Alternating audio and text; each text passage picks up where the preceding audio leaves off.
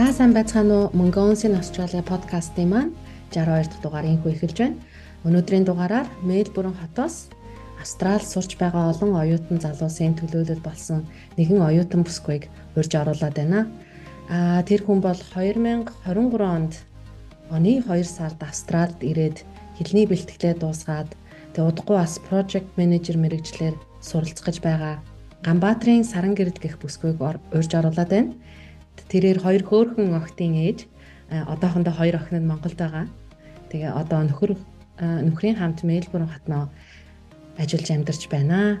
За тэгээ өнөөдрийн бид хоёрын одоо ярилцлага бол ер нь Австралид ирж суралцахаар төлөвлөж зорж байгаа залуустаа илүү мэдээлэл хүргэхийг хичээнэ. Тэгээд ирээд удаагүйч сараа маань өөрийнхөө өнөөдрийг хүртэлх туршлагаасаа мэдсэн мэдлэгээсээ сонсогч нартай маань хуваалцахад бэлэн болоод сууж байна. За сайн уу Сара? За сайн уу татагчээ. Өдрийн мэнд. Аа өдрийн мэнд. За тэгээд хичээл ажлынхаа хажуугаар подкастт маань орж байгаад маш их баярлалаа. За баярлалаа. Тэгээд намайгаас уурж оролцуулж байгаад баярлалаа. За за хоёлаа яриагаа Австрал улсад ирэхээс өмнө бас юу хийж байсан бэ гэдгээс бас яриагаа эхлэе. За За намайг Ганбаатрийн саран гэрэл гэдэг.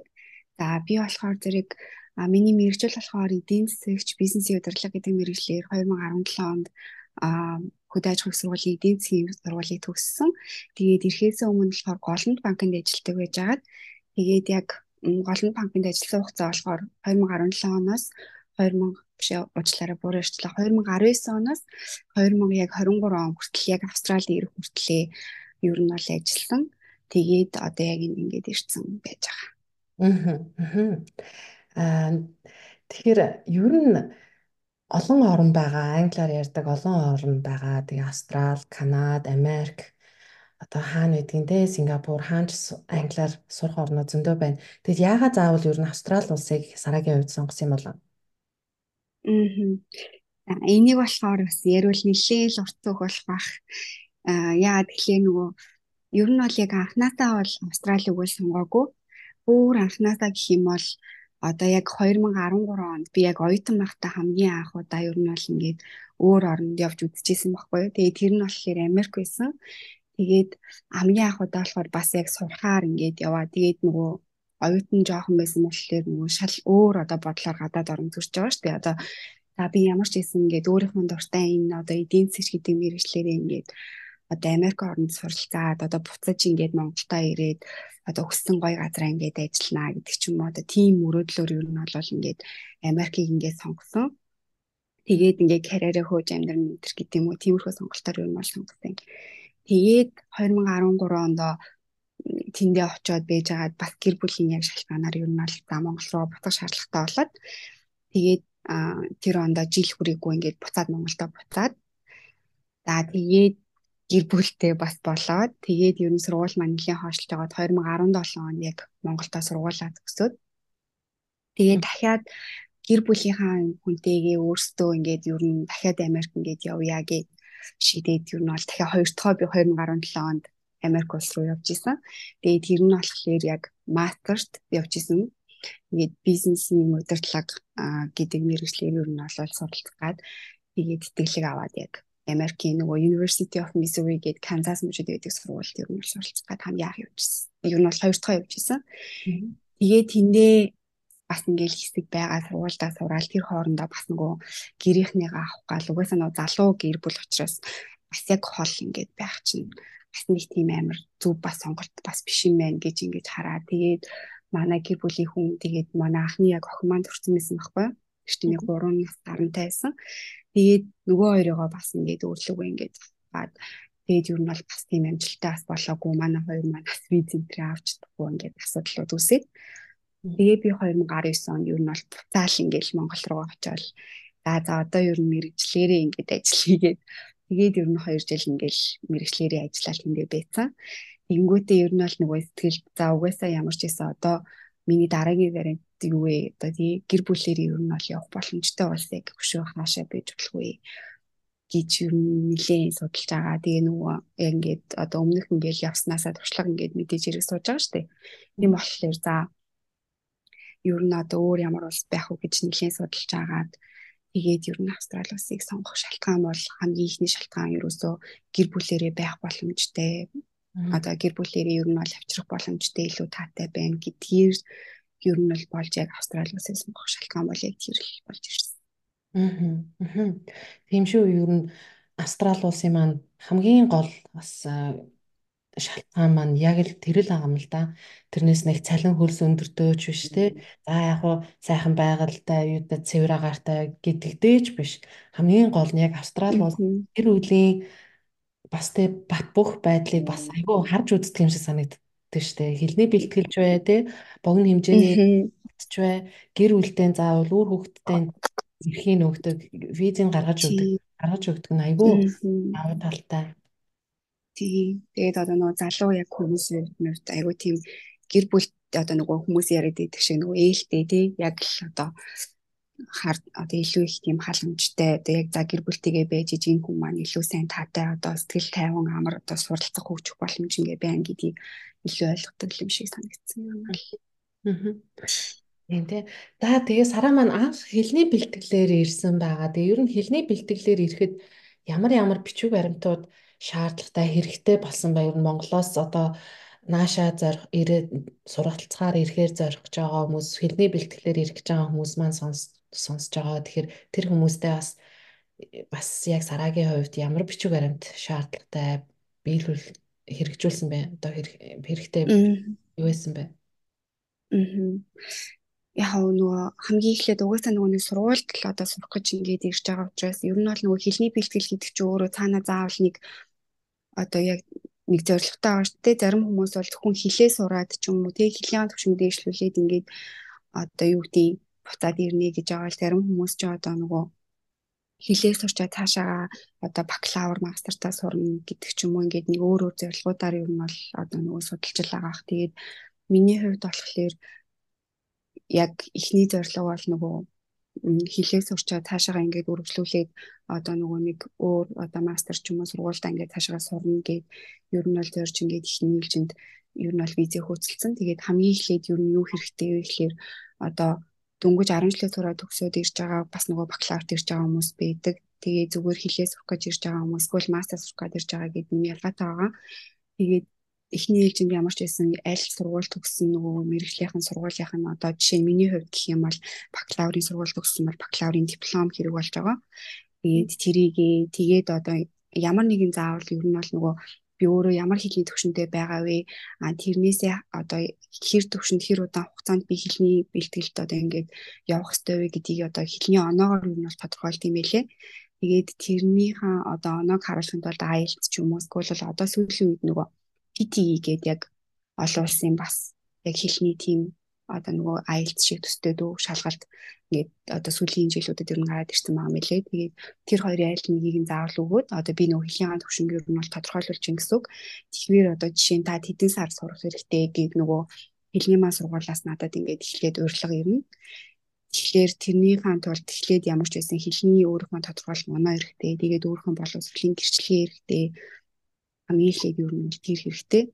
Тэгээ бүр хамгийн анхнаасаа яаж явах ёстой гэж би бодсон бэ гэхэлэр хамгийн эхлээд юу нь бол нөгөө ямар ч туршлагагүй ч юм уу эхний удаадаа ер нь ишээ тийшээ явах гэж байгаа хүмүүс хамгийн эхлээд хамгийн сайн судлах ёстой зүйл миний бодлоор зүгээр агентлаг байх гэж би бодож байна. Тэгээд агентлаг юм бол нэлээд сайн агентлагаа судалж ингээд явах ёстой гэж би зүгээр одоогийн яг өөрийнхөө ингээд туршлагуудаас ингээд харахаар тэгэж бодсон. Тэгээд хамгийн эхлээд өөрөө юу нь бол би яг яах ямар зорилготой явж байгаа вэ гэдгийг эхлээд аягүй сайн бодох хэрэгтэй юм билээ.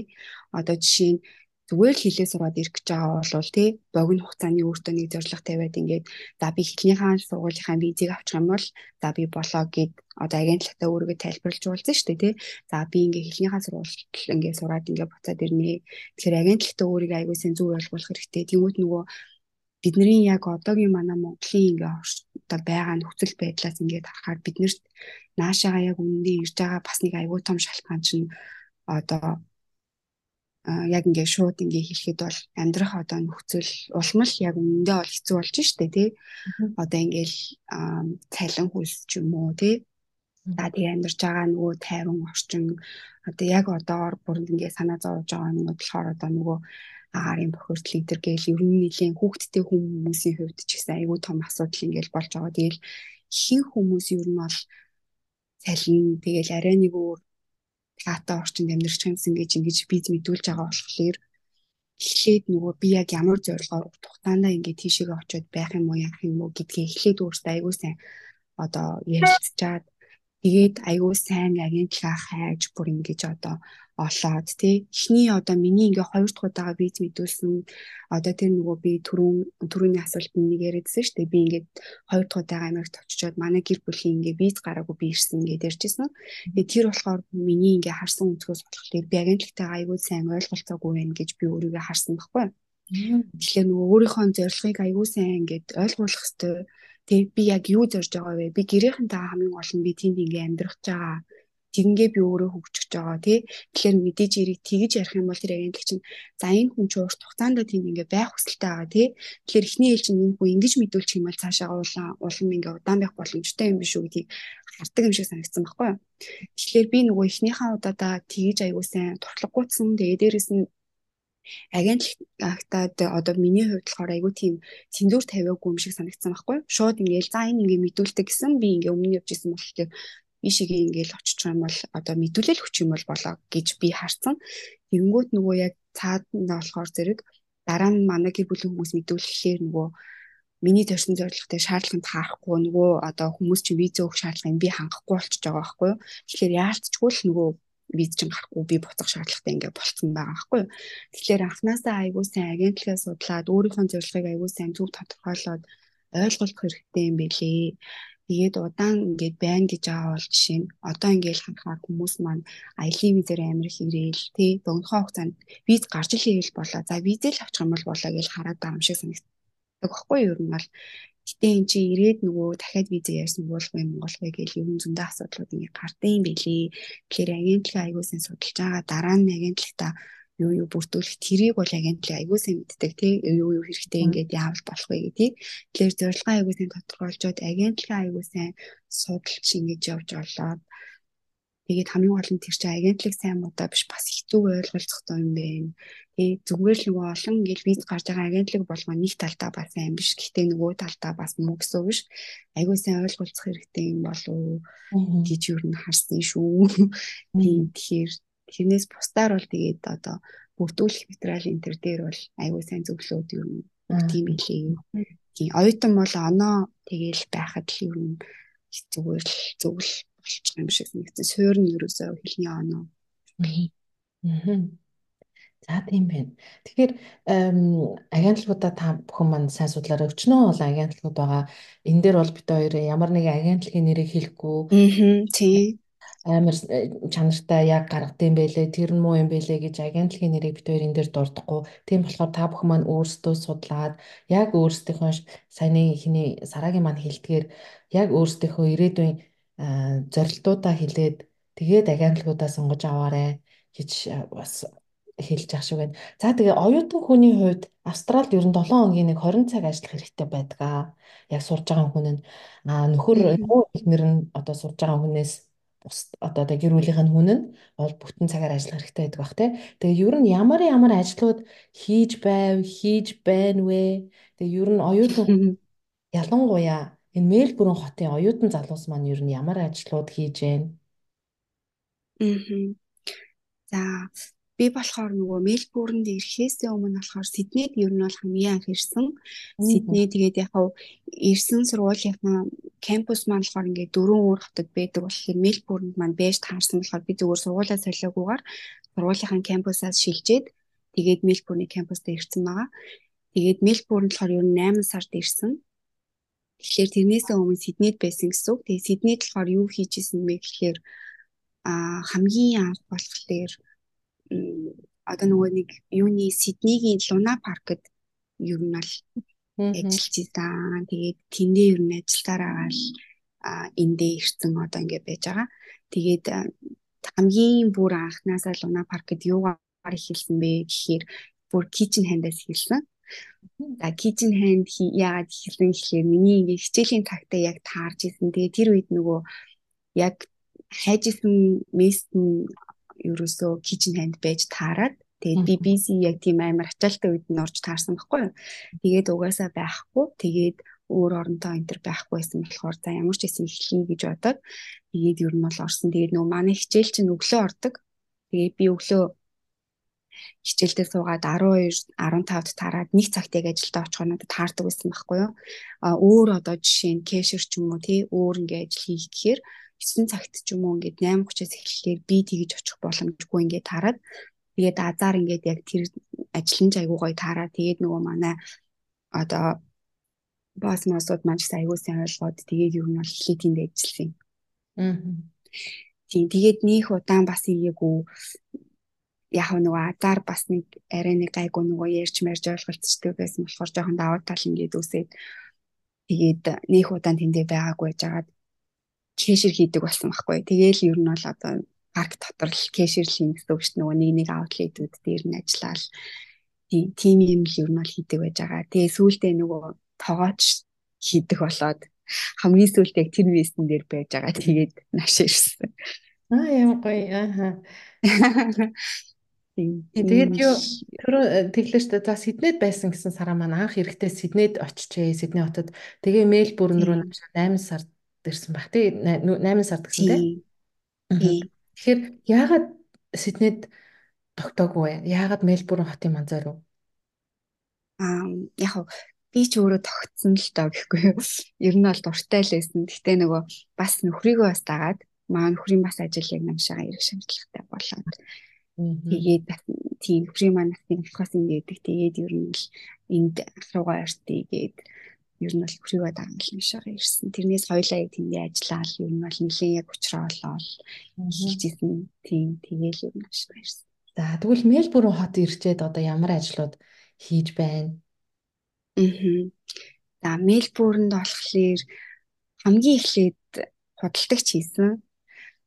Тэгээд а энэ дээр бас нэг юм хэлэхэд нөгөө дөнгөж ирж байгаа одоо ингээ хүмүүс оюутнууд маань байгаа шүү дээ. Тэгээд эхний удаадаа ирэхдээ ер нь нэгээс 2 сар би ингээд ажиллаа хайнаа гэдэг ийм нэг оо бодолтойгоор ирээрээ гэж хэлмээр санагдаж байна. Яа тэгэхээр нөгөө хилтэй хилгүүгээс бас үл хамааран ер нь жоохон тухайн үеийнхаа нэг бэ одоо тохиолж юм уу ингээд нэг хүлээгдэх шаардлага гардаг ч юм уу ингээд нэг заавал нэг юм та ингээд нэг шаардж байгаа юм шиг санагдсан. Тэгээд би болохоор нэг өөрийгөө бодохдоо за би ингээд одоо очиод ямар ч хэсэн хилтэй юм чинь очоо шууд ингээд ажил олчихно гээл одоо бодож байгаа шүү дээ. Гэтэ юм бол сансан шиг бас юм байхгүй. Одоо би ингээл зөндөө олон газарт ингээл очиод CV-г өгөөл ч юм уу онлайнаар ингээл apply хийж байгаа. Гэтэ тэд нар маань нөгөө яг л одоо би ингээл apply хийнгүүт нэг 2 хоногийн дараа над руу буцаагаал имэйл бичгүү. Нэр чинь одоо нөгөө зөндөө олон хүмүүс apply хийж байгаа учраас нөгөө лист дээр л одоо модуль холбоо барьдаг юм шиг байна. Луна парк бол жишээ нь хийжсэн. Тэгэхээр чинь нөгөө тэрийгэ хүлээх нэг юм өөртөө нэг боломжтой одоо жишээ нь 2 сарынхаа тэгээ түрээснийхаа мөнгийг ядаж ингээд одоо нөгөө бэлдэж ирэх юм шүү дээ тий хүнснийхаа мөнгийг түрээснийхаа мөнгийг яадлаа би ажиллахын хугацаанд түрээсээ төлнө гэдгээ ингээд заавал бодож ирэхгүй бол бүх юм ингээд толгаад за би очиод ажилдаа олчихно гэхээр ер нь жоохон хэцүү байдалд ингээд орох гээд идэг юм шиг санагдсан. Тэгэхээр эхлээд ер нь бол тэрийг аягүй сайн тооцож ирээ тэгжиж ажиллаа олдоод ер нь жигдрээл одоо жишээ нь зүгээр л хамгийн хурднаараа 14 хоногт ажилд орлоо гэхэд цалин маань өөрөө 7 хоног эсвэл 14 хоногт буудаг. Тэгэхээр чин тэр хугацаа хүртэл би бас ингээл өөрийнхөө ойр дөрийнхаа юм одоо төсвийг болгож явах хэрэгтэй шүү дээ. Тэгэхээр тэр мэрийг аягүй сайн бодож ер нь ирэх хэрэгтэй юм байлээ гэж бас ер нь хэлмээр санагдсан. Тэгээд би ч одоо Сиднейд ингээл уучраа олоод аваа жигдрээд бийжсэн ч гэсэн Мельбурн руу би 8 сард нүчээл ингээл 9 сар хүртэл яг үндэ ажилгүй л ингээл байсан. Яг л нөгөө дахиад ажиллаа шинээр эхлээл хайгаал одоо CV-гээ бүглэвэл ингээл явж байгаа байхгүй. Тэгэхээр тэр хугацаанд дахиад ингээл ажилгүй хүлээгээл тэгтээ ер нь би нөгөө нэг түрээсүүд маань 7 7 хоног төлөгддөг учраас тэднэрийг ингээл нөхөөл төлөөл ингээл бэжсэн гэсэн үг. Тэгэхээр тэрийг аягүй сайн бодох хэрэгтэй юм лээ. Тэгээд би ч одоо эхлээд 14 хоног ер нь нэлийн Мельбурнийхаа төвөөр сайхан амжилтсан. Ажлаа хайгаад дэлгүүрүүдээр ороод ингээд CV-гээ өгөөд аа тэгээд хажуугаараас онлайнаар ингээд apply хийгээд ингээд явж байгаа. Тэгээд дэлгүүрт хөдөлгөгчаар ер нь бол эхлээд ажилласан. Аа. Тийм тэгэж явж байгаад нөгөө азар бас нөгөө би хумсны нөгөө маникюр педикюр хийж сурцсан байсан учраас тэр давуу тал ингээ үсээд тийм ажиллах бас боломж олдоод манай ангийн одоо энэ манай хэлэн бэлтгэл сурдаг байсан ангийн охин салонд ажилладаг байж таарад тэгээд нөгөө юм ярьж явах зураа би мэдээд өө би ингээд туршлагатай штэ энэ төр гэсэн чинь өө тийм үү ингээд манай пэйж ингээд байгаа чи ингээд дагаад манай тэрвээ хүн ингээ хайх юм бол ингээ зар тавьт юм аа чи тэр үед нь ингээ аплай хийж болно гэд хэлжсэн байхгүй тэр үедээ. Тэгээ би ер нь бол дагцсан ингээл инстаграмыг хардаг байж агаад яг зарыг хараад яг нэг азар нэг хэсэг хугацааны дараа 2 7 3 7 орчлон сарын дараа лөө. Тэгээд яг тиймд нь аплай хийгээд тэр маань гэхдээ нөгөө тийм амар том салон байгаа болохоор айгүй хурдан над руу бүр ингээд хариу ирсэн баг нэг 2 хоногийн дараа илүү дээ буцаад мэйл ирээд ирж уулзаарай гэд. Тэгэл ер нь очиж уулзаал. Тэр өдрөөсөө эхлэе шууд ажиллана тэгэл одоо яг өнөөдрийн хүртлээс ажиллаа л явж байна. Тэгвэл бас сурсан юм илүүдгүй гэдэг чинь ста жинхэнэ энэ дэр гарч ийн штэ тий Тий. Аа. Тэгвэл айгүй хөөрхөн бас хурдан бас хийж чаддаг ажил руугаа бас орч чадсан. Ер нь тэгээд Мельбурнд байгаа одоо мэдээж оюутан залуустаа та хоёр маань бас Монгол Монгол залуучуудтайгаа бас уулздаг байх. Тэгэхээр тэд хэд маань ер нь оюутнууд маань ер нь ямар ажил хийж байгаа юм? Ерөнхий ажил нь Аа. Яг нөгөө одоо би бас яг шинэ л юм л да. Одоо Мельбурндээ одоо шинэ ер нь л одоо Австралид шинэ л дээ. Зөндөө олон хүмүүс одоо хурцтай ингээл хүмүүс байгаа. Тэгээд яг одоохондоо бол бас нөх олон тийм талын хүрээлэлтэй бас болж нэг хэмжээг байгаа. Гэхдээ ер нь бол нэг тодорхой хэмжээний ингээ хүмүүстэй бол таарлаж уулзсан.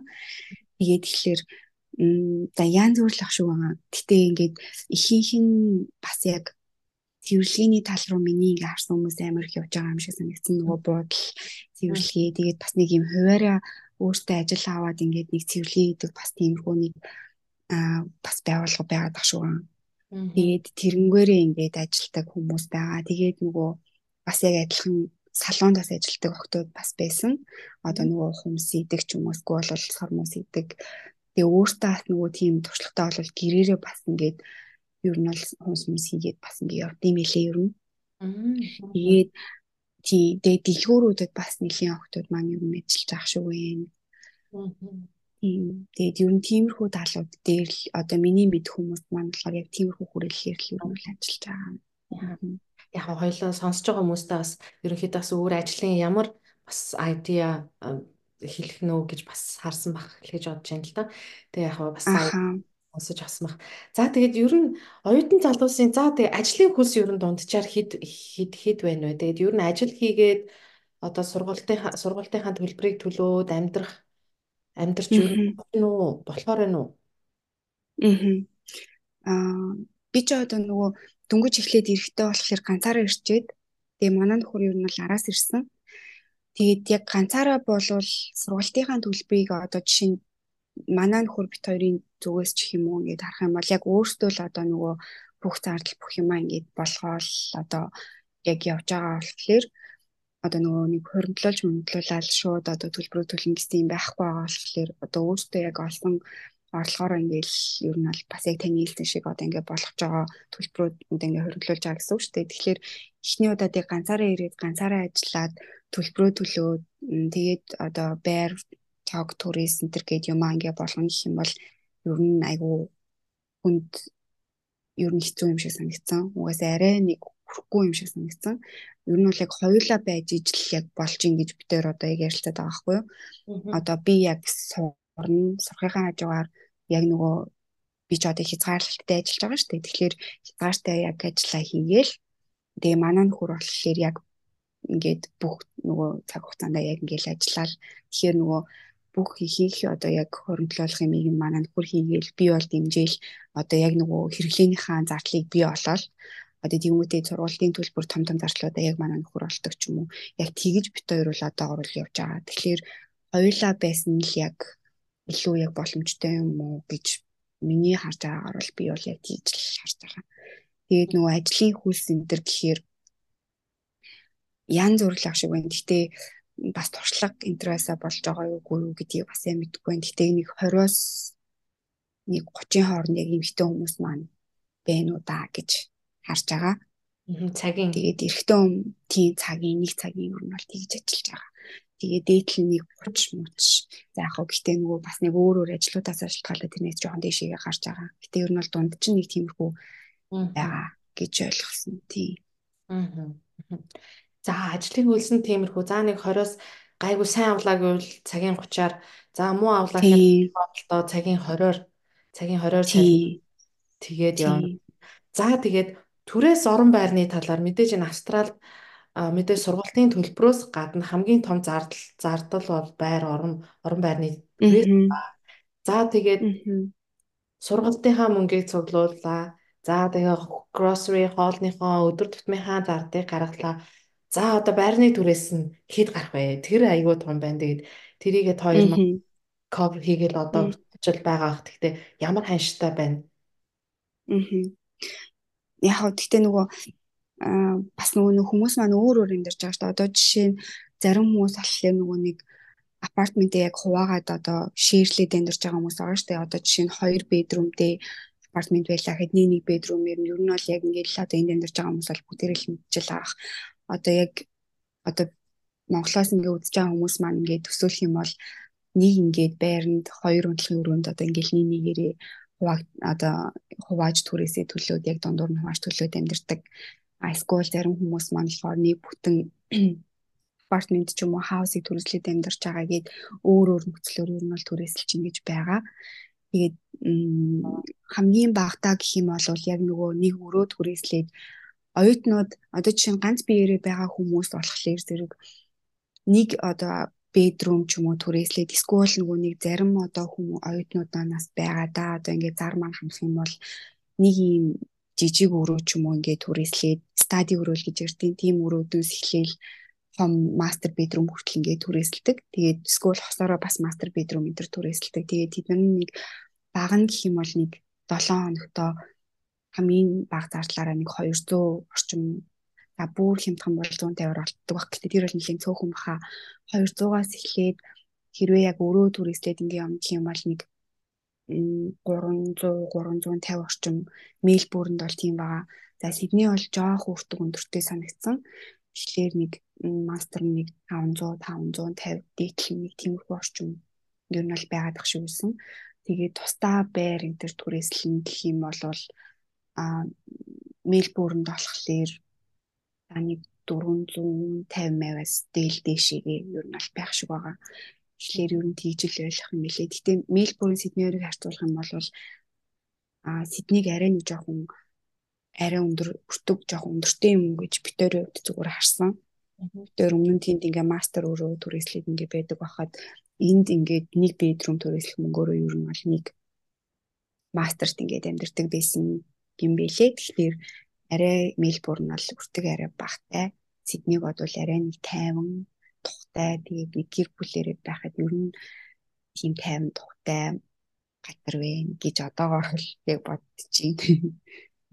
Тэгэлгүй Сиднейгийн түрээс байрны төлбөр түрээс бол Мельбурний харьцуул хамаагүй үнэтэй.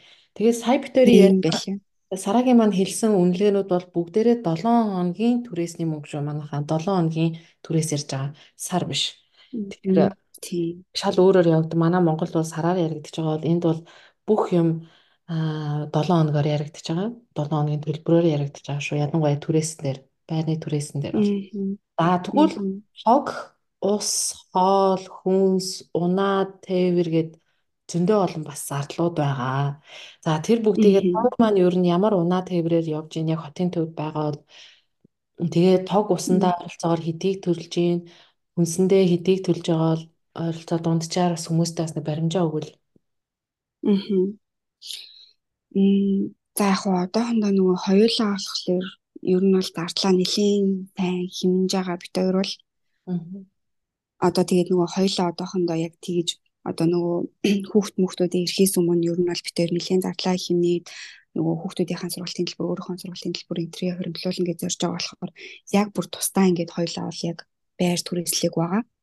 Тэгэхээр нөгөө зардал маань нэлээдээчгүй гайгүй байгаа гэж өдөр бол бодож байна одоохондоо. Тэгээд нөгөө хүнс энтер тэгэхээр одоо нөгөө нэг энд болохоор хотынхон төвдөө нөгөө трам гэж явдаг. Тэр нөгөө фри яг трам зон те тэр хэсэгтээ болохоор нөгөө мөнгө төлөх шаардлагагүйгээр яг явдаг хэсэг байгаа. Би хотоосоо жоохон гадагшаа гарах юм бол мэдээж хэрэг төлнө. Тэгэхээр яг уу бит хоёрын хувьд болохоор хоттойгоо яг нэглээ ойрхон байдаг болохоор трам дээр бол бас нөх амир мөнгө бол зарлагддаггүй гайгүй байдаг. Ажил сургууль энэ бүгд ер нь төвдөө ойрхон.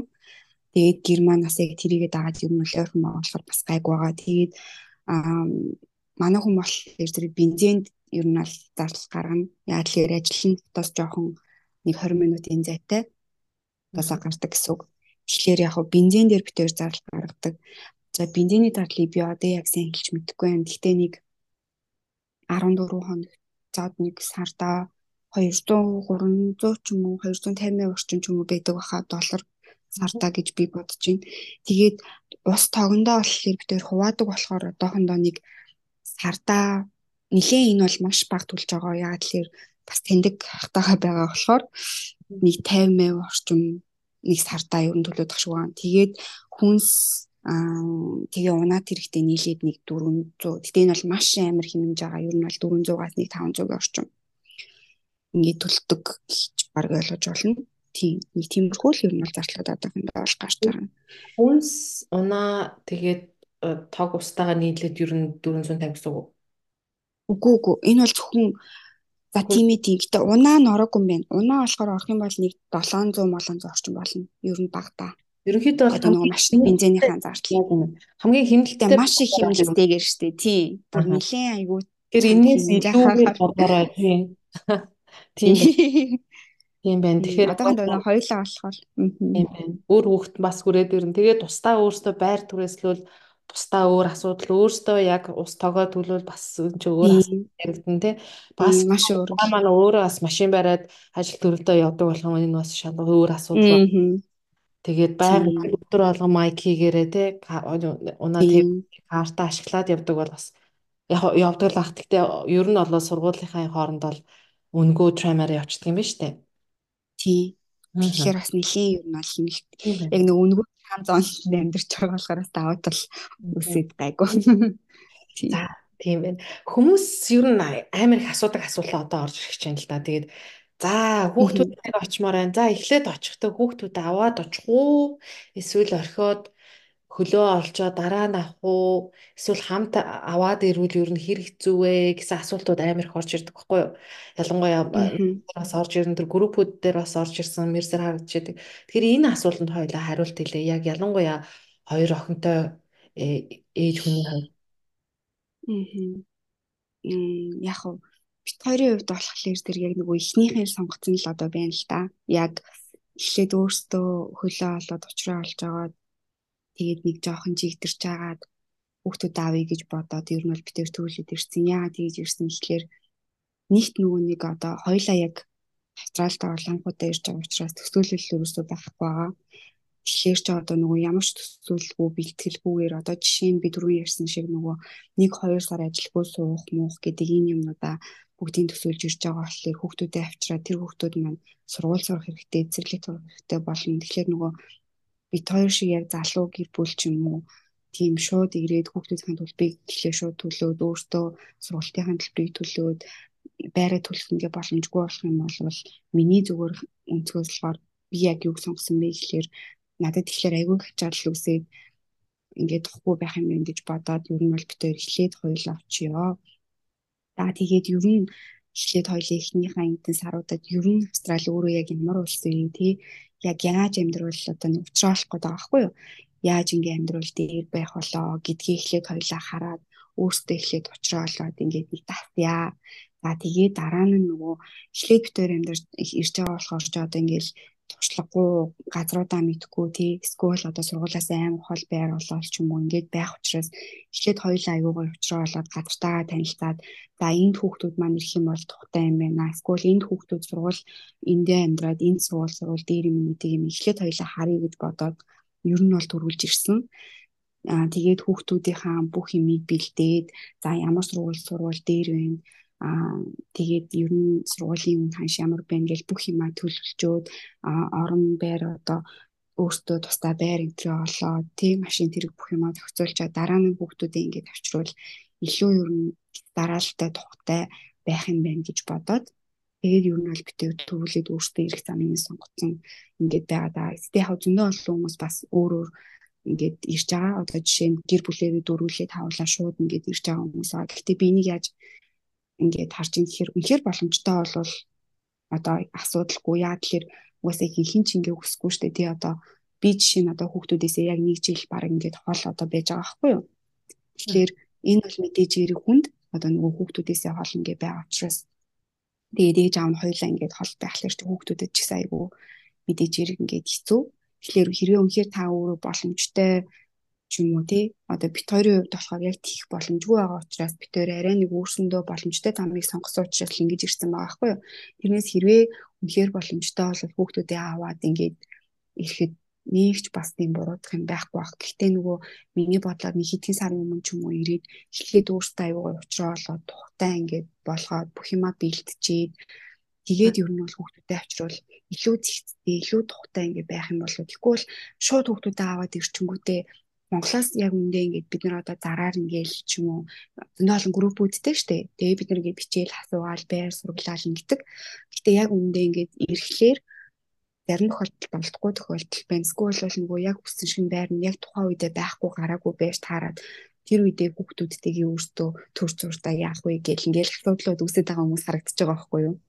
Тэгэхээр яг хав тэрнийхээ оронд зүгээр төрүүлж ирээд ингээд зэгтээ болгочоод хүүхдүүдэд авчруулаас зүгээр ч юм шиг ер нь бол тэгж санагдсан. Тэгээ битээр бол яг тэр замыг сонгоод одоохондоо л яг бүх юм өөртөө ихлээд чигдэлчихэд та хүүхдэд аавь гээд ирсэн байгаа хүмүүсийн сонголттой бит хоёр одоо яг тийм зүйл байна. Угаасаа яаж шуудсан тийм бахал та. Тэгээ ер нь бол шууд ирээд шив шин орчинд ирж байгаа юм чи ядаж орон бараа бэлтжээд хүүхдүүд та санхүүгийн хувьд боломжтой байж болно. Тэглээ гисэн ч ер нь та өөрөө их л төрүүлж ирээд хөлөө хичнээн мөнгөтэй байсан ч өөрөө хөлөө эхлээд олцоод байраа олцоод тэгээд хүүхдүүдэд авчирсан мэдээж даваа талтай. Тийм ядаж одоо энэ газраа ингээд эхлэх мэдих юм шиг санагдаж байгаа хгүй тий. Одоо бид нар чи ямар төсөөлгүүл ирж байгаа юм шүү дээ. Яг ингээл яг ямар газар байгаа бол тий. Яаж хаана амьдрал зүгээр идэм бол гэдгийг ч гэсэн эхлээд өөртөө ер нь хараад магадгүй зарим таалагдахгүй байж бас болно. Хүн болгон яг адилхан өнцгөөс харахгүй тэгэхээр нөгөө энд ингээл ирээд амьдарч үзсэн чинь магадгүй таалагдахгүй болвол тэр хүн бутах сонирхолтой бол заавал бүх гэр бүлэрээ ирээл айгүй их зардал гаргаж агаад буцаад явах бас нэг зүг тий. За тийм байна. Дараагийн асуулт нь за оюутан оюутан хүний эрүүл мэндийн даатгал ер нь хэдийг өгч байна. Одоо хоёр маань бас хоёулаа байгаа учраас капо гэдгийг сонгож байгаа. Хэрэг гэр бүлтэй болох нь бол мэдээж өөр байгаа. Хүүхэд нэмэгдээд явчихна. Тэгэхээр яг капо хосын яг эрүүл мэндийн даатгал, оюутан хүний эрүүл мэндийн даатгалд хоёр маань хэдийг өгч байна вэ? Аа. За даатгал болохоор зэрэг нөгөө нэг тухайн бас нэг бизнесийн хугацаанаас хамаарат ер нь бол өөр өөр байдаг. Тэгээд битэрийг болохоор одоо яг одоогор болохоор ер нь бит хоёр бүх юм анханасаа ер нь бол нөгөө хамгийн баг зардлаар ер нь яаж энд ирэх вэ гэдгийг бүх юмаа ер нь хийсэн анханасаа. Тэгээд одоо болохоор бид хоёр яг за нийтдээ э, бүр яг урт хугацаанд аш нийт жилдээ зааж ороо одоо баг нэг хоёулаа 3 3000 орчим байгаа мó. Аа. Аа. Тийм. Тэрнээс нэг 2800-аас нэг 4000 орчмын хооронд ер нь баг нь кабл нь ер нь бол тийм байгаа гэсэн. Тэгэхээр нэг тиймэрхүү орчим гэж ойлгож байна. Тэгээ гэр бүл ирэхээр угаасаа нөгөө гişүүдээсээ хамаарад юу яа гэм бэлээ. Өөрчлөгддөг юм бэлээ. Битэрих бол одоохондоо бол яг тиймэрхүү зарталтай байх. Тэгэхээр эрүүл мэндийн даатгалд яг юу юу орж байна? За мэдээж ерөнхий GP-д мөн өрхийн эмчтэй үзүүлэх Тэгээд тийм шүд ороогүй байх байгаах те шүд орсон шүд ороогүй ах шүү байсан. Тэгээд нөгөө нэг зарим нэг нөгөө юу гэвэл X-ray мэй зураг авах мах тийм юмнуудаас орд юм бэлээ. Тэгээд нөгөө хамар мамрын одоо нөгөө нэг юу ч юм ди одоо зураг авах. Тэгээд зарим нэг бас хаалгаа бас орд юм бэлээ. Нөгөө нэг яг нэг юм чухал гэх юм уу.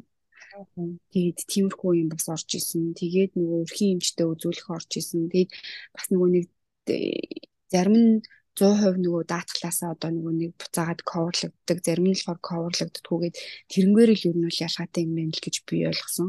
Тэгээд одоохондоо бит хоёр ямар нэгэн нөгөө эрүүл мэндийн үйлчлэгийн энэ төр аваагүй болохоор яг тэр тал дээр бол бас нэлийн тийм жоохон мэдлэг бол дутуул байна. Тийм. Аа. Тийм тэгэхээр мэдээж ямар ч эрүүл мэндийн даатгалд бол амбуланс буюу төргөн тусламжийн үйлчлэлээс орсон байдаг. GP-уд бол тоонда үнэгүй үзүүлэх ёстой. Аа dentist им им шүдний эмнэлэг бол угаасаа яг хав cover хийгдэж болно. Гэхдээ хамгийн гол нь илүү үнэтэй болно гэсэн яг хэрэг хямдганаар яваад байж шүдмүдэ та бүхэн маань нэрээ сайн имжлүүлж ирээрээ те. Монголоос ирэх гэж байгаа бол шүдээ сайн имжлүүлээд тэгэхээр сайн яваад ээдтэй бурхан минь энд шүдний имлэг чинь үнэтэй шүү те аа тийм ямар сайн өгөөл нь шүдүүлээ аа Австрал хүмүүс чинь бүр ямар сайндаа бүр гадаад руу яваад аялангаа шүдээ имжлүүлчээ буцаад ирэх нь хамаагүй хямд болж байна гэж үздэг шүү. Тэгэхээр та бүхэн маань шүдээ сайн имжлүүлээд ирээрээ гэдгийг энэ дээр бас нэмээд загчээ санаж байгаа дээр. Аа. Тийм тийм. Аа нэг тийм хатаа байх нь маань за эрүүл мэндийн давтал. За мэдээж энэ Австралд бэрхшээлтэй хэцүү тэ үе тохиолдно мэдээж ингээл бас давуу бас өө энэ Монголоос тэрүүгээрээ илүү давуу талтай шүү гэх юм мэдээж зөндөө байгаа.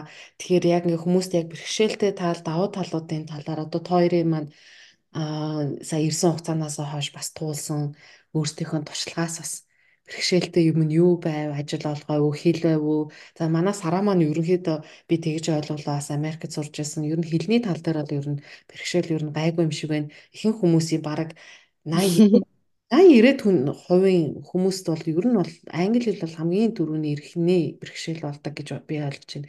Тэгэхээр яг сарагийн маань хувьд бэрхшээлтэй давуу талтай энэ хоёр талыг бас ямар ямар талуудыг хэлэхгүй. Аа. Яг хоо бэрхшээлийн тал угаасаа бэж л байгаа. Яг л нийт зөвөр хамгийн ихний бэрхшээл бол ингээл хизээч мэдэхгүй хүмүүс гэхдээ ингээл шууд ирэх бол бүх талаараа бэрхшээл болно. Одоо нөгөө газрын зураг явах газар гэл жижиг бэрхшээл бол тэр. Тэгээ дээрэс нь одоо нөгөө яг бид хоёрын айгуу бэрхшээлийг одоогийн байдлаар бол нөгөө гэр бүл хүүхдүүдтэй хоол явах айгуу хэцүү бэрхшээл бол байгаа. Мэдээж хэрэг хүний оронд ах чинь бас нэг ч тийм таатай бол бас биш. Аа тэгээд нөгөө талаар болохоор хил бол яалтчгүй бэрхшээл болно. Угаасаа ойлгомжтой тэр бол гэтээ нөгөө бас яг бүх талдаас хүн ингээ хилтэй байхаар бас ямар ч асуудалгүй юу гэхээр бас бас биш. Гэтэ ер нь бол хамгийн нэгдүгээрт би яг хэлний бэрхшээл хүн болгонд байгаа болохоор одоо нөгөө хүмүүс маань эрхээсээ өмнө угаасаа ингэж хүн чинь төлөвлөж байгаа шүү дээ. Бүр хамгийн багтаа л нэг жилийн өмнө би гадагшаа явах юм байна, ингэ юм байна гэдгийг бол төлөвлөж байгаа гэж бодож байгаа угаасаа их бах. Тэгэхээр нөгөө хүмүүс одоо явахаасаа өмнө ядчил одоо нөгөө нэг хийхдээ ирж байгаа хүмүүс маань ядаж нэг хамгийн анхны одоо нөгөө ажил асуухт те би юу гэж хэлэх вэ гэдэг юм эсвэл би ингээд газраа хаанаас яаж асуух вэ гэдэг нэг ойр зүрийнхаа хэрэглэнийхээ үгийг бүр ингээд одоо амар заавал тэрийг нэг мэрэгжлийн төвчөнд сурах албагүй. Гэхдээ нэг юм мэддэг ч юм уу эсвэл ядаж бүр цээжлээд ч болохгүй ингээд нэг юм өөрийгөө илэрхийлэх нэг жоохон ч гэсэн юм одоо боломжтой болж ирүүл ер нь илүү дээр юм шиг санагдаад байгаа байхгүй. Тэгэхгүй одоо нэг ингээ ажилд оронгууд өөрийгөө ядаж тэр хүнийг олохгүй байгаамаа гэхэд өөрийнхөө хэлж байгаа санааг за би ингэмээр байна би ийм юм хийж чаднаа тий? Та намаа ингээ хараач гэдэг ч юм уу? Яг нэг тийм анхан шатны үг яриаг ядаж эхлээд ингээ мэдсэн ч юм уу? Байвал бас арай дээр юм шиг санагдсан. Дээрэс нь нөгөө чаддаг юм байх юм бол тэр бас амар их давуу тал болж байгаа юм шиг санагдаж байгаа байхгүй юу? Одоо би ингээл яг давуу тал нь би болохоор хэл сурсандаа ингээд асуудалгүйгээр ажилд ингээд орсон ч гэсэн одоо нөгөө туршлагагүй байсан бол хэцүү шттэ тий. Одоо жишээ нь би ингээд Америкт тэр ингээд хугацаануудад амьдарч байхдаа ингээд тэр 2 жил мэл ингээд болж байхдаа одоо би сая ингээд одоо би салонд ажиллаж байгаа шүү хүмүүсийн салон. Тэгээ тэрний юм хэлээ би хичнээн хэлтэй байсан ч гэсэн тэр салооны одоо магтгүй тэр туршлагыг эзэмшээгүй хүмүүс хийж чаддгүй байсан бол энэ салонд ажиллахгүй байх жишээ нь байсан болохоор манайхан одоо эрхээсээ өмнө бид нар угаасаа л гадагшаа орон дээр хамгийн эхлээд юу их вэ гэхээр угаасаа бүгдээрээ үйлчлэгийн нийл салбарт ажиллана. Одоо чи Монголд юу хийдэг байсан бол юусаа хамаахгүй одоо жишээ нь би ингээ банкнд ажилладаг ч юм уу маань хурж гэсэн одоо ингээд төрийн албанд ажилладаг байсан байхгүй юу. Тэгээ төрийн албанд ингээ ажилладаг байсан энэ төр бол ямар ч хамаа байхгүйгээр бүгдээрээ яг ингээд ирээл бүгдээрээ үйлчлэгийн салбарт ингээд ажиллана. Тэгээ тэрнээсээ л цаашаага бүгдээрээ өөртөөхөө мэрэгчлэр ажиллах ч юм уу ийм боломжууд гарч ирдэг болохоор би ингээд Монголд тахта боддог гэсэн нөгөө группүүд рүү ингээд ороод харахаар хүмүүс одоо ингээд очоод яг юу хийж чаддаг байх юм бол би ингээд ажил олох боломжтой байд юм болоо энэ төр гэл бичдэг ийм зөндөө асуултууд байдаг байсан байхгүй юу. Тэгээд тэр үед би ч гэсэн өөрөө яг ингээд адилхан нэрээ би одоо тийш очих юм бол юу их боломжтой юм болоо. Тэг ихний ээлжинд яг ямар ажилт ингээд юу чаддаг байх юм бол ажлын одоо нөгөө эрэлт илүү их байгаа бол гэл ингээд боддог байсан байхгүй юу. Тэгэхээр яг миний бодлоор энийг бас хүмүүст амар ингээ хэлхий гэж би яг бодож исэн. Одоо яг цацаагч надаас ингээ анх хоёлаа ингээ яриа хийя гэж хахад одоо ингээд миний ингээ харж байгаагаар яг юу амар ингээд эрэлттэй байгаа вэ? Бүр ингээ үйлчлэгийн салбарт тэгэхээр би зүгээр өөрийгөө бодохдоо би бариста хийж чаддаг байсан бол би Сиднейд ингээ аюун мөрдөө ажилтаа болсон байна гэж би өөрийгөө бодсон аахгүй юу. Гэтэ энд чинь нөгөө манай Монголоос ялгаатай нөгөө кофений соёл нэлээд их байдаг. А тэгэхээр нөгөө хүн болгон өглөө болгон баг гараад бүгд кофе уудаг. Тэгэхээр одоо кофе шоп бол маш их ачаалттай. Ер нь байнгын ажилтан шаардлагатай бийжэдэг ийм талбар юм шиг надад ингээ харагдаж байгаа яг одоогор. Тэгэхээр одоо яг сонсож байгаа хүн байх юм бол хэрвээ бариста хийж чаддаг ч юм уу эсвэл одоо би ингээд жилийн дараа явнаа. Юу хийгээс орчвол би очиод ажилтаа байх болоо гэж бодож байгаа хүмүүс бол энэ ажлын байр бол яг тасралтгүй байж байгаа юм байна гэж би бол хувьдаа харсан. Гэхдээ туршлагатай хүмүүс арай өөрөөр хэлэх та. Гэхдээ ер нь бол хэрвээ ямар нэг юм сураад очие гэж байгаа бол бариста хийж сурвал зүгээр юм билий шүү. Ажил айгүй гоё болцтой юм шиг санагдсан. Тэгээ дээрэс нь өсчин их зүгээр санагдсан. Тэгээд энэ нөгөө гоо сайхан тэр яг нэг маникюр энэ төр гэдэг хийдэг хүмүүс байх юм бол бас зүгээр санагдсан. Заавал бүгдээрээ ирээл заавал цэвэрлэгээ ч юм уу тий? Бие ингэж заавах ажил хийх шаардлагагүйгээр бас чаддаг юм байх юм бол тэрийг хийгээд ингээ явах бас боломжууд байдаг юм шиг үлээ. Тэгэхээр ер нь тиймэрхүү юмнуудыг ер нь судлаад богинохон ч юм уу тий? Сургалт энэ төр хамрагдаад ядаж ингээд хамгийн гол нь тэр чинь би чаднаа гэж очихтой чухалж очоод яг өөрийг чинь харна. Одоо чадчих нь үгүй гэдгийг тэгэхээр ямар ч байсан нэг туршлагатай болоод ингээд ирчих юм бол хэлгүй байсан ч гэсэндээ туршлагач нь ингээд бас айгүй хэрэгтэй тийм элээ тэгэхээр бас тиймэрхүү юмнуудыг судлаад хэрвээ тийм чаддаг хүмүүс байх юм бол хэрэгтэй юм билий гэж юу бас хэлмээр байгаа шүү. Тийм тэр бол бас давуу тал болно хэлгүйсэн ч гэсэн. Тэгээд давуу тал гэхээр одоо юу ч юм нэрэндээ мэдээж хэрэг нөгөө бидний хувьд бол одоо цалин яа тэгэхээр хамгийн ихний бас гадаад орныг бид нэр сонгож байгаа шалтгаан бол цалин гэж би бодож байна. Тэгэхээр бид нар одоо ингээд яг Монголд би өөрөө хүртөөгөө ингээд амьдарч исэн яг тэр нөгөө сарынхаа зардал тий одоо ингээд өрхийнхөө зардлыг яг болгож исэн үе. Энд ирээд бодож байгаагаас бол тийс өөр байгаа. Яа тэгэхээр бид нар ч одоо бидний хэрэглээний зардал бол амар өндөр. Монголд ингээл бүх юм маш үнэтэй яг одоо бол бүр улмал үнэтэй болж байгаа. Тэгэнгүүтээ цалин маань өөрөө жоохон тэрэндээ хүүгүй тий одоо ингээд ер нь бол хэцүү байдаг штэ. Тэгэхээр энд бол нэг ингээд амар гоё давуу тал нь юу гэхээр одоо яг өдөр тутмын хэрэглээ хүнс энэ гэдэг бол яг үнийг хэлэхэд одоо Монголд бол яг хүнсээ цуглуулаад миний хувьд штэ тий хоёулаа ажиллаж байгаа хэрнээ миний бараг цалин хүнсээ цуглуулаад бараг тэр сартаа өрхөөгүй юу ч гэдэг юм ийм байдаг байсан. Л хүнс маш үнэтэй. Тэгэд энд бол хүнсээ цуглуулад чи өөрөө цаашаа нөгөө гэр бүлтэй хэрэгтэй хэрэгцээндээ зарцуулах мөнгө хадгалах юм боломжууд ингээд байгаад байгаа нь ер нь бол надад бас амар таалагдчихж байгаа байхгүй юу. Тэгэхгүй бид нар ингээд хүнсээ баг яаж авах вэ? Тэгээд өөр баг худалчуунд ингээд за юм баг хадгаламж гэж ер нь бол ингээл уртгаа ингээл хараал амьдарч исэн байгаа байхгүй юу. Тэгэхээр энд бол яг тэр боломжийг аюу гоёор хүнс бол тийм яг хүнсэнд ингээ асуудал үүсгээд хүнсээ хараал хүнсээ л тоглуулбал баг болоо гэж харахгүйгээр тэр бол ерөөсөө асуудалч тэр байдаг юм. Тэгээ тэрнээс өөрөө өөршөө илүү хөгжих боломжууд амар их харагддаг юм байна гэж бодсон. Тэмүүтээ хоёр дахь давуу тал нь ажлын цагийн хувьар энтхийн цагийн хувьар надад үнэхээр маш их таалагдчихж байгаа. Яа тэгэхээр манай Монголд болохоор бид нар чинь 10 цаг гэхэд л яг үнэндээ дэлгүүрүүд онгохоогүй, ажлууд эхлэегүй, жигтрээгүй байж идэг. Тэгэхэд энд бол 6 цагт ажил эхэлдэг. Ер нь л тэгээд хүмүүс манай л дээр 4 5 цагт боссон гат тасчлаа эзэн кофе шоп орсон ажил дээр очсон ч юм уу фитнестэй очсон ингээ бэж идэг. Тэгснээ хамгийн гол нь одоо хүнсний заах дэлгүүрүүд нь өдөр 3 4 цаг гэхэд л ер нь бол хаадаг. Маш өглөөр тонгоогоол 6 цаг тонгоогоол өдөр хаачдаг. А тэгээ ажлууд маань ч гэсэн өглөөр эхлээд айгүй их дуустдаг. Оройдол 5 цаг маг яг өөр урт өөр одоо ээлгээр ажилладаг хүмүүс бол өөрөөр байдаг. Гэхдээ хийх тохиолдол тийм. Тэгэхээр нөгөө гэр бүлтэй гаргаж байгаа таг зав, өөртөө зарцуулах цаг зав, өөрийгөө хөгжүүлэх цаг зав илүү их гарч ийн гэж би харсан. Тэгэхээр надад бол давуу тал нь тэр санагдаж байгаа. Аа. За өстө харж бодоогүй өнцгөөс яг давуу талыг доо маань хэллээ л дээ сая. Тэрнээс өөр зөндөө олон давуу тал байгаа. Тэгээд үнэхээр хотын завгүй хотын амьдрал бол өглөө өстө үүрээр эхлээл бужигнаал эрт дуустдаг байх л та. Энэ тэгэхээр тэр бол давуу гэсэн үг. За за тийм байна. За манай сараа нөхөртөөгөө хоёлоо залуу хүмүүс байгаа. Тэгэхээр оюутан хүн чөлөө цагаараас яг юу хийж бас өнгөрөөж байна Мельбурн хотод? Ер нь юу хийвэл зүгээр байна? Юу хийх гоё бас тийм айдиа санаа байна уу? Яаж цагийг өнгөрөөж чөлөө цагаа?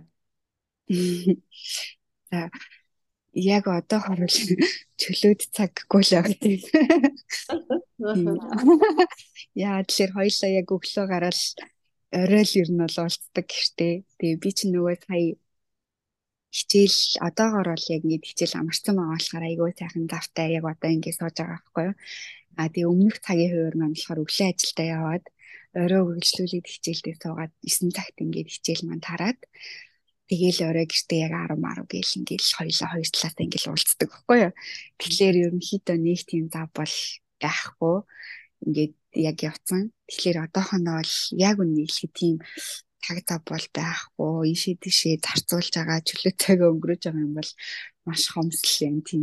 Яг боломж гарвал хоёлаа нэг зүгээр одоо л ярьж байгаа байхгүй юу. За нэг бүтэнсээ өдөр ч юм уу ядаж хоёулаа нэг амардаг цаг гарах юм бол өөр нэг гоё очиж үзэх боломжтой газар юм вэ тий шинэ газар юм вэ гэдэг ч юм уу тий амьдарч байгаа газартаа танилцъя тиймэрхүү цаг хугацааг өнгөрүүлэе гэж зүгээр ярьж байгаа. Гэтэ нөгөө гадаадд амьдарч байгаа юм чинь бас яг ингээл шууд ажил ажил ажил ажил гээл амьдраад байгаа л нэг л өдөр бид нар ч одоо шүү дээ бид нар чинь зоригтой байгаа. Тэгэхээр ядаж ингээ байгаа газараа одоо яг нэг одоо юу гэдэг амьдрсан шиг ингээ амьдраа тий үзэх стомын бас үзэн гэсэн тийм зорилго бол байгаа. Гэтэ яг одоогийн нэг богинохын энэ хугацаанд болохоор бид хоёр бол арай яг тиймэрхүү заавнд бол арай амжихгүй бол яг явчихин.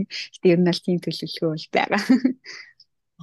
Зав гаргаарай залуу хосууд байна. Ажил ажил гэлгүйгээд яг ядаж нэг бүтэсвэний үдээс хойш ч юм уу цаг гаргаад хоёлаа сайхан Мельбурний сайн үзээрэй. Мельбурнээс өөр өөр гоё хотуудад ойрхон хотууд гоё үз газар зөндөө биш үү?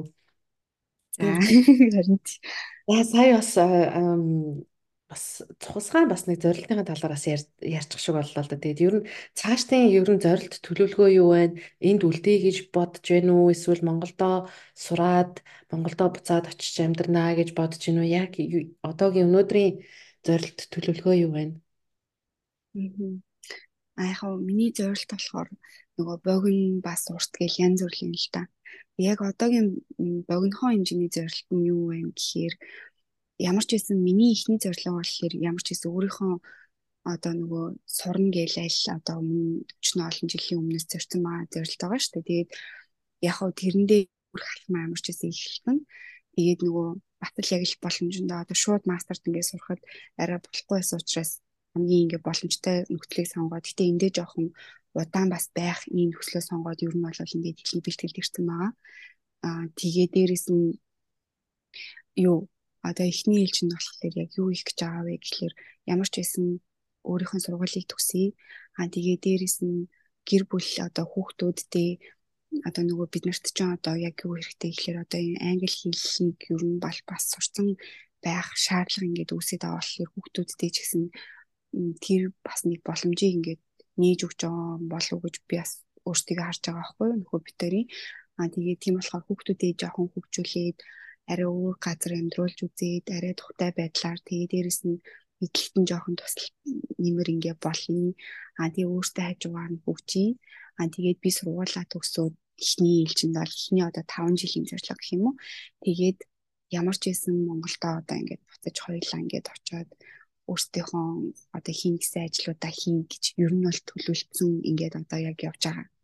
А гэхдээ нөгөө энэ ч одоо миний ирсэн эхний жил учраас дараа жил тэрний дараа жилээс одоо эндээ бас тэг илүү уучраа болоод ч юм уу ингээд болох юм бол зориг мэдээж хэрэг өөрчлөгдөх бах тэг хүн чинь жил болгон арай өөрөөр юм харж эхэлдэг болохоор тэр үед бас арай өөр төлөвлөхөдтэй ч юм уу зорилгоо арай нэг сунгасан байх магадaltaй. Гэтэ яг одоогийн зорилго бол ямар ч байсан сургуулаа төгсөөд хүүхдүүдтэй бас сургуульд ин сургаад өөртөө нэг нэг ч гэсэндээ төвшөнд нэг жоохон жоохон ахиад тий тэгээд их орондоо бас буцаад ингээд очие гэсэн юм л тийм үйл зорилготой. Аа. За тийм байна. За ерөнхийдөө бит хоёрын бас подкастын маань ярилцах хугацаа бас өндөрлөгт өгч जैन. Тэгээд бас сарадаас сүүлийн асуултыг бас үлдээ. Тэгээд сонсогч нарт минь бас өөр зөвлөж хэлэх зүйл байна уу? Аа. За яг хуу одоо болохоор би яг энд одоо сонсож байгаа одоо Монголоос наашаа ч уу эсвэл өөр ямар ч орн руу гэж болно одоо явах гад зорж байгаа хүмүүс байгаа. Гэхдээ энэ бол одоо яг нэлийн урсгал ер нь гадагшаа гээд одоо манай Монголоос ингэж байгаа. Тэгээд энэ бол нэг талдаа буруу ч гэсэн нэг талдаа бас би зүг гэж хардаг.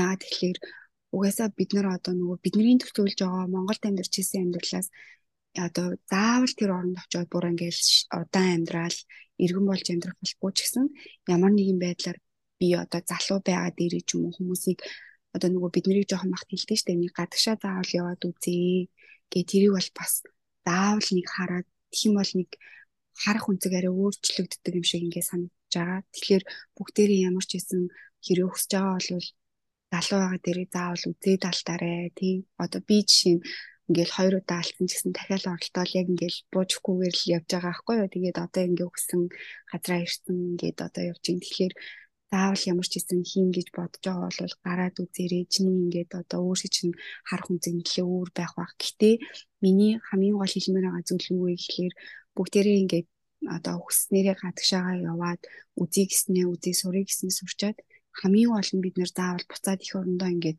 очоод өөрийнхөө ч гэсэн жижигэн ч гэсэн хувь нэмийг оруулдаг одоо тийм байгаасаа гэж би хүсдэг. Одоо миний яг нэг зорилго тэр байхгүй юу?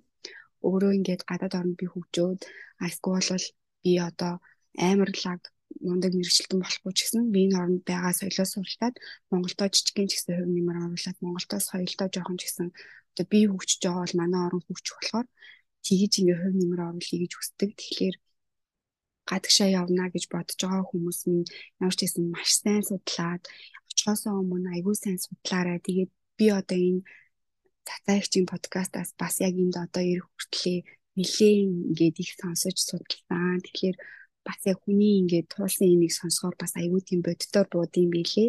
Тэгэхээр айгүй олон хүмүүсийн туулсан энэ кейсүүдийг айгүй сайн сонсох бас ер нь буруудахгүй байлээ гэж бодсон. Тэгээд маш сайн судлаад ер нь алхмаа хийгээрээ тэгээд маш сайн төлөвлөөрэй. Тэгээд эцээд ер нь бол буцаа заавал хорондоо очиод сурсан мэдсний жижигхэн ч гэсэн юм болоод үлдээгэрэл гэж хэлмээр энэ да. Яас хөөрхийн маш сайхан өөрийнхөө бас бодол санааг бас илэрхийлээ гэж бодож байна. Манай сонсогч нар маань бас нилээдгүй хувь нас саяны бас санаатай бас санаа нэгдэж байгаа байх гэж бодож байна л да. За тэгээд өнөөдрийн подкаст бас Австрали улсыг сонирхоод эрж суралцгаар төлөвлөж зорж байгаа залуустаа багч болов гэсэн мэдээлэл бас хүргэж чадсан гэж бас найдаж байна. Тэгээ подкастын маань бас зочин бүр өөрийн гэсэн түүхтэй туулсан туршлага нь өөр байдаг. Тэгэхээр тэр ч үүднээсээ сараа манаас өнөөдөр өөрийнхөө туулсан туршлагаасаа мэдсэн мэдлэгээсээ сонсогч нарт маань бас бас хуваалцлаа. Тэгээд цаашдын сургалтанд нь өндөр амжилт хүсээд Австрал дахь ирээдүйн аялал нь бэрхшээл саадан баг дардан байх болтугай гэж өрөөе маш их баярлалаа. Тэгээд таны сонсогч байгаад одоо ингээд одоо дуртай подкастт урьж оролцуулаад өөрөө зочин болсондоо маш их баяртай байна. Тэгээд одоо таны подкаст бас яг надтай адилхан одоо ингээд зөндөө олон одоо асуултууд байгаа хүмүүс таны подкастаас бас хариулт авдаг байгаа. Тэгэхээр өшөө олон хүмүүс бас энэс л гоё мэдээллүүдийг одоо ингээд өшөө удаан хүргээрээ энэ маань одоо бид нар шиг хүмүүс маш их дэмжлэг, маш их одоо мэдээлэл болдог шүү. Тэгээд маш их баярлалаа. Урьж оролцуулсан баярлалаа гэж хэлмээр байна. Баярлалаа Сара маш гоё бас сэтгэлийн бас гоё үгээ хэллээ. Тэгээд хүмүүс маань бас анх болвол тэгэл за бас нэг ганц хоёр нэг тиймэрхүү коммент орж ирээ линкдэг байсан бол одоо бол дандаа ийм эерэг комментууд бас орж ирдэг болсон л та. Айгуу гой мэдээлэл хэрэгтэй подкаст шүү, сонсдог шүү гэл ингээл энэ бүх хүмүүсийнхээ бас сайхан сэтгэлдлэр бас бас ингээл урам аваад энийг бас цааш нь уугаар бас ингээл хийгээд явж जैन. Тэгээд маш их баярлаа. Миний сонсогч байсан бас цаашдаа бас дахиад үргэлжлүүлээд бас сонсоод байгаарай. Тэгээд та сонсож байгаа та өнөөдөр subscribe хийж дараагүй бол YouTube сувг дээр маань subscribe хийгээд дэмжиж лайк дараад яваарай. Тэр маань биднэрт надад бас бас цаанаасаа бас ингээ те олон үзэгчтэй байна гэсэн утгаараа YouTube маань бас дэмждэг байгаа шүү. Тэгэхээр та өнөхөр дэмжихийг хүсвэл YouTube дээр subscribe хийгээд дагаарай. Тэгээд бас шинэ мэдээллүүд бас танд бас шууд хүрэх болно шүү. За тэгээд баярлалаа Сараа. Тэгээд Мельбурн хотоос Сараа цацаанаар ярилцлаа. Дараагийн дугаар хүртэл баяртай. Баяртай сараа баярлаа. За баяртай баярлаа. За энэ дугаарыг сонсож байгаа танд маш их баярлалаа.